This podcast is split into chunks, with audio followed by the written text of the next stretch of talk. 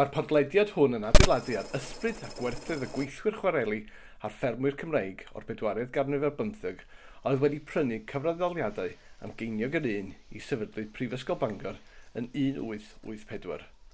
Roedden nhw'n gweld gwerth mewn gwneud gwybodaeth ac ymchwil academaidd ar gael i'w cymuned. Ac felly da ni yn Ysgol Busnes Bangor. Mae'r gyfres podlediadau hwn yn cyflwyno ein gwybodaeth flingar, damcaniaethau newydd barn a gweledigaethau yn harbenigwyr ar faterion busnes pwysig gyda chi, ein gwrandawyr. Dydy treth twristiaeth ddim yn syniad newydd.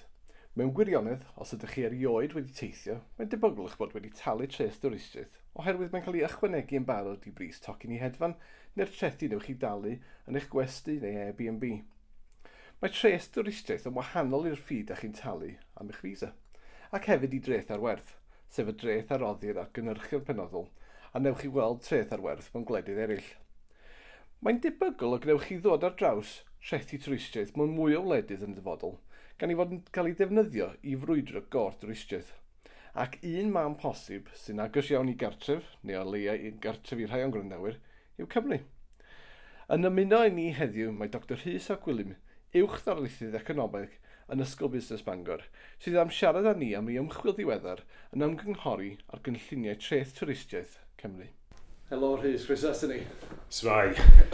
Reit, felly fe wnaethoch chi'r ymchwil yma ar ran Llywodraeth Cymru.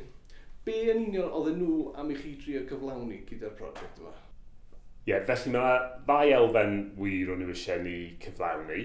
Um, yn amlwg, y cyd-destun yw'r ffaith bod Llywodraeth Cymru yn ystyried uh, cyflwyno tref twristiaeth yng Nghymru um, ag i uh, sicrhau bod nhw efo gwybodaeth angen rheidiol i bod medru dylunio um, y ddath treth. Uh, dyma nhw'n gofyn ni uh, neu dau beth yn gyntaf i adnabod uh, gwledydd eraill o gwmpas y byd, a dyma ni'n canolbwyntio ar Ewrop, ond uh, gwledydd eraill sydd efo uh, economi twristiaeth tebyg i'r un sydd gynnon ni yma yng Nghymru. Um, a wedyn uh, i ymchwilio'n bellach mewn i'r uh, gwledydd cymharol debyg na i edrych ar natur y system trethiant yn y gwledydd yna a'i uh, a cymharu y systemau yna i'r rhai sy'n gynnon ni yma yng Nghymru.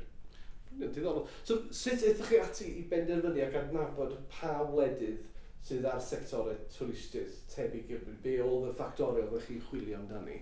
Um, felly, dyma ni'n gadael y data penderfynu ar pa, uh, pa gledydd o'n i'n ystyried. Felly, be wnaethon ni oedd um, uh, dadansoddiad clwstwr, wel, na, wnaethon ni tri wahanol, uh, tri dadansoddiad wahanol. A be, be mae be ma hynny'n meddwl yn y bôn yw bod ni'n bwydo llawer o data mewn uh, yn ymwneud efo'r sectorau twristiaeth yn uh, amryw o ledydd a wedyn uh, dynyddio algorithm i cael grwpio y gledydd wahanol na uh, mewn i uh, clystyrau lle mae um, y data na'n gwefol, gwefol tebyg.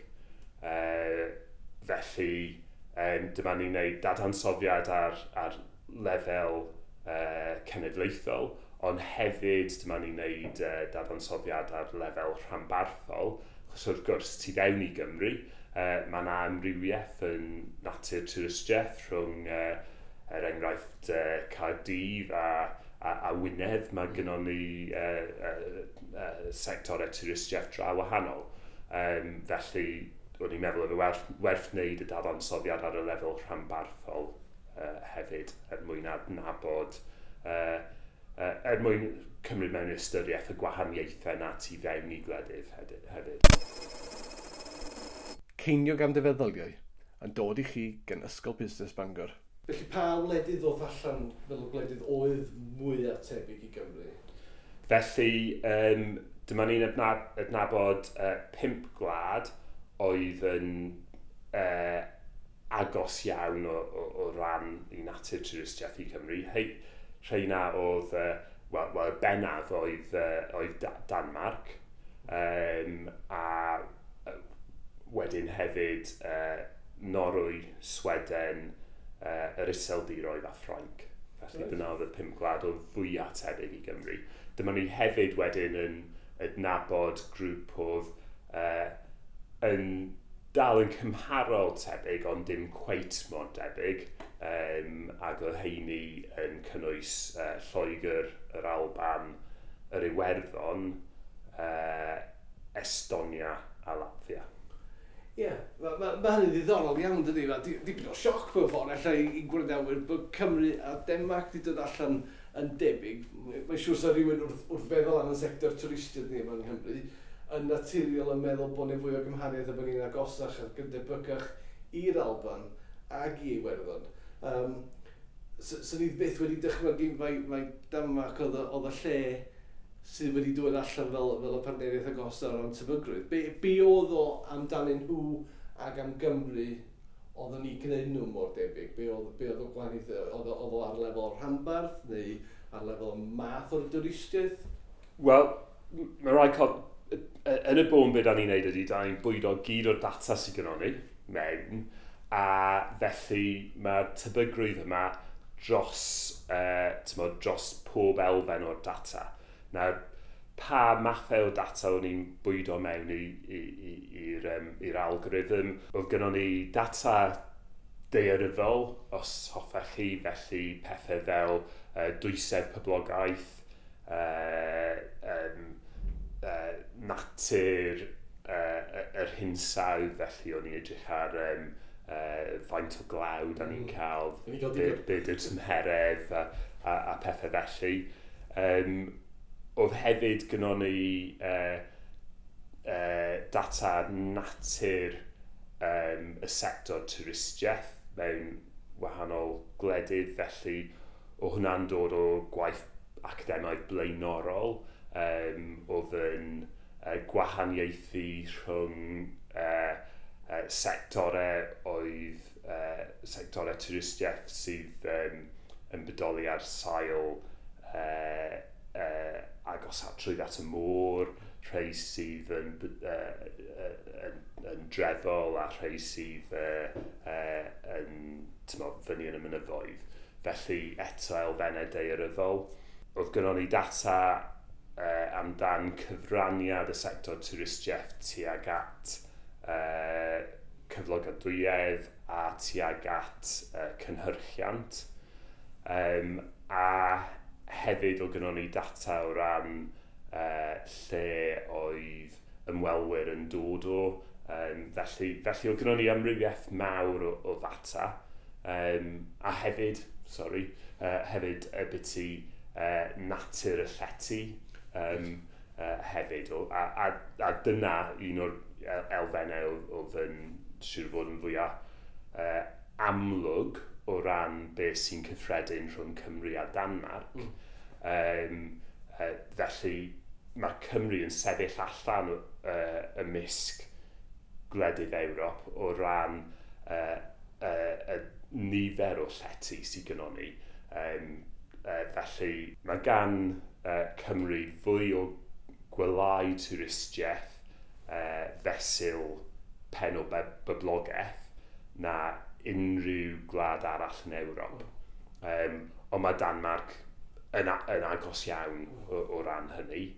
Um, a hefyd y, y cymysg o'r fath o llety uh, yng Nghymru, uh, mae'r ganran o gwelau twristiaeth yn uh, uh, yn carafanau a gwersylloedd yn, yn llawer uwch eto nag un man arall yn, yn Ewrop. Ond mae Danmarc yn digon tebyg. Um, felly, ie, yeah, siŵr fod yna dau elfen lle mae Cymru yn edrych yn, yn draw wahanol i, i gwledydd eraill yn Ewrop. Um, a'r gwledydd dwi wedi sôn amdano, y gwledydd Llychlyn, Ffrainc a'r iseldiroedd, mae ma nhw efo um, uh, sectorau cymharol tebyg. Mae hynny'n ddiddorol iawn dydy, bod, bod, bod yr astudiaeth yma'n edrych ar tres dwristiaeth yn edrych ar economi wlad yn cymryd gymaint o wahanol ffactorau i fewn. Wrth gwrs, cyd-destun yr ymchwil oedd y Llywodraeth Cymru yn ystyried cyflwyno pwerau i awdurdodau lleol i fedru weithredu ar y dres dwristiaeth yna.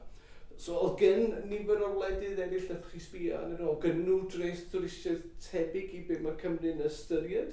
So ydy hynny rhywbeth gymharol newydd o ran polisi hefyd. Felly mae tref twristiaeth yn gweddol cyffredin uh, yn Ewrop. Dwi'n credu allan o'r uh, 27 wlad yn yr, yn yr Undeb Ewropeaidd bod tua 20 efo rhyw fath o tref twristiaeth. Ond beth oedd yn diddorol oedd ymysg y grŵp yma o'n i'n adnabod yn, o fod yn tebyg i Gymru, um, uh, o'na mond uh, y Ffrainc a'r Iseldiroedd oedd gyda'r fath dreth. Ceiniog am defeddyliau yn dod i chi gan Ysgol Busnes Bangor. A wedi be am trethu'n gyffredinol, os y e gwahaniaeth mawr rhwng systemau trethu sydd gennym ni yma yng Nghymru a'r gwledydd tebyg yma?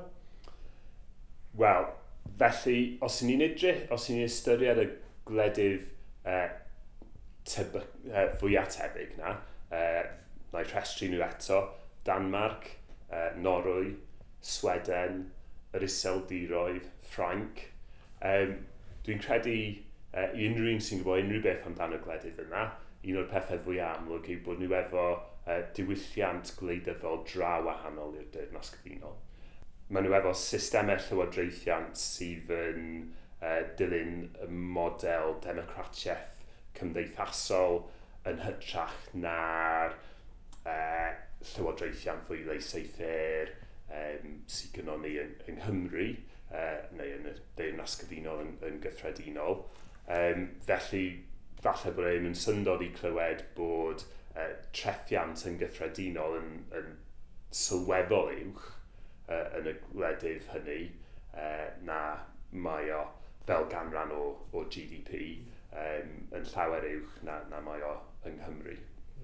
Mae'n mae ddiddorol felly, dydy, wrth edrych ar y gwledydd sy'n mwyaf debyg i Gymru, bod nhw ddim yn gweithredu'r dreth twristiaeth ar hyn o bryd, ac eto dyma mae'r ymchwiliad yn edrych arni.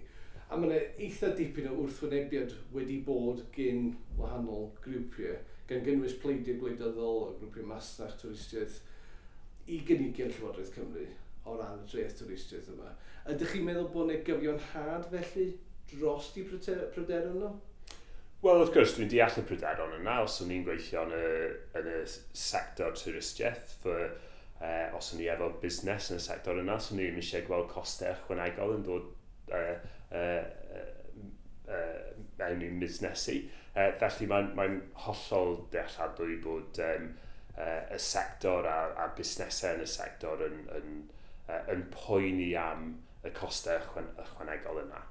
Uh, be mae uh, ein ymchwil ni yn dangos yw bod na uh, bod y baich treth yng Nghymru uh, yn dibynnu yn llwyr ar raddau'r busnes, ar maint y busnes. Felly yn gyffredinol, uh, yng Nghymru, ond yn, yn fwy gyffredinol yn deyrnas cyfunol, mae y baich treth yn, yn gweddol ysgafn, neu yn ysgafn iawn wir, ar um, busnesau uh, uh, bychan, mae na dau prif elfen i hynny. Uh, Siwr o fod yr un fwyaf pwysig ydy um, os ni'n meddwl am, y, am treth ar werth, uh, yn y deyrnas gyfunol mae yna trothwy. Os oes gennych chi trosiant o llai nag 85,000 y flwyddyn, does dim rhaid cyfrestru am treth ar werth. Nawr, yn y gwledydd eraill o'n i'n ystyried, e, uh, mae'r trothwy yna yn llawer, llawer is. Felly mae bron pob busnes, os ych chi'n mynd i'r gwledydd llychlyn, mae bron pob busnes gorau cyfrestru am tref ar werth. Felly mae hwnna'n un gwahaniaeth sylweddol os ych chi'n cwmni bach iawn yng Nghymru, does dim rhaid e, e, talu tref ar werth o, o gwbl. Um, yr elfen arall yw, e, bod um, trethu incwm yn y deyrnas gyfunol eto o'i gymharu efo'r uh, gwledydd yma o'n, on, on i di adnabod fel rhai tebyg uh, i Gymru. Um, yng Nghymru mae uh, trethu incwm yn blaengar iawn um, ar lefelau isel iawn. Felly, er enghraifft, does, dim, does neb yn talu treth ar y um, 12,000 a hanner cyntaf o, o incwm yng Nghymru. Ac eto, yn y gledydd eraill o'n i'n edrych ar, y gledydd cymharol yma, um, mae trothwy yna yn, yn, yn, yn, yn is mewn rhan fwy ar gledydd hynny. Right. Uh, felly, os ych chi'n busnes bach iawn, mae'r baich dreth yng Nghymru yn cymharol isel. Yeah. Ond os ydyn ni'n edrych ar uh, cwmnïau mwy o faint os maen nhw i'ch ben y, y trothwy naw cael trosiant o 75,000 y flwyddyn a maen nhw'n gorfod uh, talu treth ar werth. Wel wedyn mae'r cymhariaeth yn edrych yn draw wahanol achos yn llawer o'r, uh, o'r gwledydd eraill o'n i'n ystyried uh, mae'r uh, lefel o treth ar werth yn is yn y sector turistiaeth, na mae o uh, yn sector eraill yn y, yn y uh, yn yr economi, tra yn y deunas gyfunol mae'r sector trwristiaeth yn cael ei drin yn union yr un fath ac un, unrhyw sector arall o ran treth ar werth. Ceinio gan defeddyliau yn dod i chi gan Ysgol Busnes Bangor. Diddorol iawn, mae, mae o'n ddiddorol i edrych ar gymhariaeth yn ydy dydi o ran maint y busnes a y ffaith bod gen ni yng Nghymru canon uchel iawn o, wla, o blai ar gael ar gyfer twristiaid a bod lot o busnesau yn yna, debyg, oherwydd i maint nhw yn syrthio dan um, y lefel trosiant yna ar gyfer dreth a werth ar hyn o bryd, mae'n debyg. Um, so fe di rhywun deall pam bod Llywodraeth Cymru ella yn edrych ar yr ymgynghoriad yma, ond rhywun pryd yn deall perspektif o busnes bod y gost ychwanegol yma am taro ar, uh, ar faint o elw nhw'n gallu gwneud o blwyddyn. Ie, yeah, dwi'n credu, ti'n yn y bôn, mae'r ma system trethiant yng Nghymru yn gymleth. Mae'r sector uh, trethiant ym mhob gwlad arall yn gymleth. Felly mae cymharu uh, Cymru a ledydd eraill uh, yn hyd yn oed fwy gymleth. A wedyn mae rhoi fath o gofyn y cwestiwn, wel, uh, uh, be, be ni'n disgwyl o'n sector tristiaeth ni a ddylan ni uh, bod yn trino mewn ffordd wahanol i sector eraill yn yr economi. Um, mae llawer o'r, or uh, busnesau yn y sector turistiaeth yn rhai uh, fach iawn a a ddylan ni bod yn rhoi rhywfaint o man, mantais o ran trethiant i'r busnesau yna. Um, dan, be da ni'n dangos fan hyn yw bod ni yn barod yn wneud hynny i gymharu efo gwledydd eraill. Um, uh, A felly mae hwnna'n uh, mater i ystyried, dwi'n credu, ac i, ac i dadle uh, drosti. Um, o, neu, tymo, neu ydyn ni'n meddwl dyla'r dyla uh, busnesau bychan yna bod yn neud fwy o gyfraniad. Uh, a mae hynny'n cwestiwn gwleidyddol yn tydi yn y bwyd. Ydy, ydy, ydy. Wel, mae'n studio bod y gwaith wedi bod hynod ddiddorol, a dyn ni'n edrych ymlaen a gweld be ddigwyddus rwan efo'r efo wybodaeth ydych chi wedi rhoi fewn i'r ynghoriad a, a be ddawn nesaf i'r sector tyrwithiaeth ac i'r system trethu. Ac ella ddwch chi nôl i siarad efo podlediad ni eto rhywbryd yn y dyfodol efo diweddariad ar y gwaith hynny ddiddorol yna. Swn i'n falch o wneud. Diolch yn fawr iawn, Stefan. Diolch yn fawr iawn, Rhys. Diolch am wrando ar geinio gam dyfeddoliau a gyflwynwyd i chi gan Ysgol Busnes Bangor. Tanysgrifiwch trwy'ch sianeli podlediad arferol a pheidiwch ag anghofio hoffi a rhannu.